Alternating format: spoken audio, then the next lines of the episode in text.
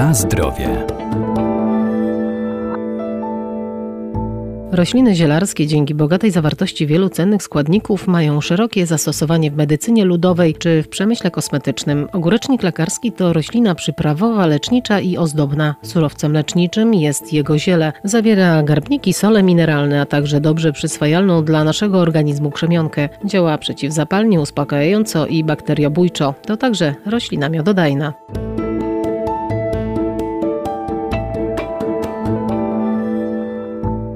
Ogórecznik lekarski może być używany wewnętrznie do leczenia m.in. zapaleń i uszkodzeń błon śluzowych jamy ustnej, układu oddechowego czy jelit, zewnętrznie przy oparzeniach skóry, odmrożeniach, a także trudno gojących się ranach. Ogórecznik lekarski. Roślina, która wyglądem w ogóle nie jest w żaden sposób zbliżona do ogórka, nie ma ani owoców, ani liści, ale ma właśnie charakterystyczny zapach młodych pędów roztartych. Zapach jest zbliżony do zapachu ogórka. Stąd ta właśnie nazwa ogórecznika. Doktor ogrodnictwa Arkadiusz Iwaniuk. Jest to roślina od dawna, można powiedzieć, uznana za leczniczą, bo nawet nazwa łacińska Borago officinalis już sugeruje, że właśnie lekarski, że to było zioło lekarskie, a więc od początku niejako, kiedy go nazwano, dostrzeżono jego właściwości lecznicze. Cóż takiego zawiera ten ogórecznik lekarski? No, między innymi kwas gamma-linolenowy, bardzo znaną, ważną substancję związaną z odpornością organizmu, wzmacnianiem całego organizmu. Między innymi też są nawet dowody na to, że jest to substancja, która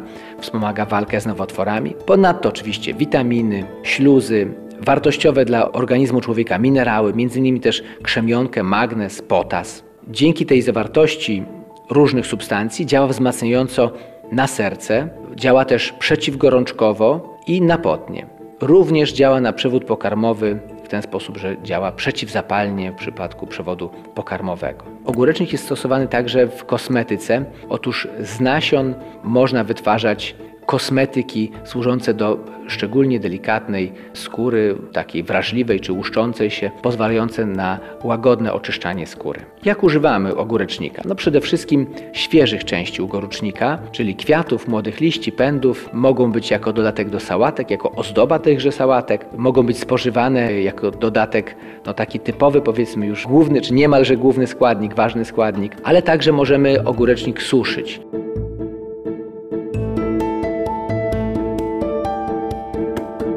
Na zdrowie. Suszenie to naturalny sposób konserwacji ziół, a jak suszyć ziele ogórecznika, by zachował swoją barwę, aromat i smak? Oczywiście w, tak jak powinno się suszyć zioła, czyli w miejscu zacienionym, w niezbyt wysokiej temperaturze, tak aby jak najwięcej tych olejków eterycznych, łatwolotnych zachować w tym surowcu. Później przechowujemy to albo w słojach dobrze dosuszony, albo w przewiewnych, płóciennych woreczkach. I pijemy w postaci herbat, czyli naparów. Ewentualnie można przygotować też odwar. W klasyczny sposób łyżkę stołową ziela zalewa się szklanką wody i podgotowuje na przykład przez 5 minut lub w ten sposób przygotowujemy odwar, natomiast jeżeli na troszkę dłużej zalejemy wrzątkiem i potrzymamy trochę dłużej do kwadransa, to mamy tą tak zwaną herbatkę, czyli napar. Po ostudzeniu pijemy, można dodać sobie oczywiście do smaku trochę miodu, trochę cytryny i stosujemy w zależności od potrzeb, czyli jeżeli jest to przeziębienie, leczenie przeziębienia, jakiegoś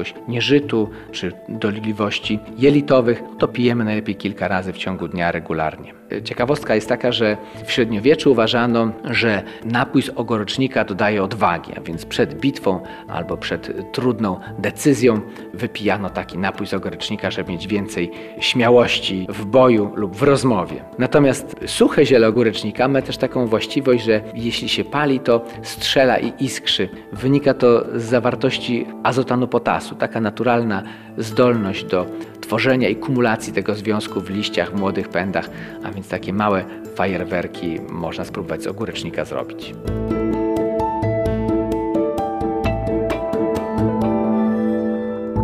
Pamiętajmy, że zioła wspomagają nasz organizm, jednak trzeba je stosować z umiarem, zwłaszcza jeżeli są używane w celach leczniczych. Najlepiej ich zastosowanie i dawkowanie najpierw skonsultować z lekarzem.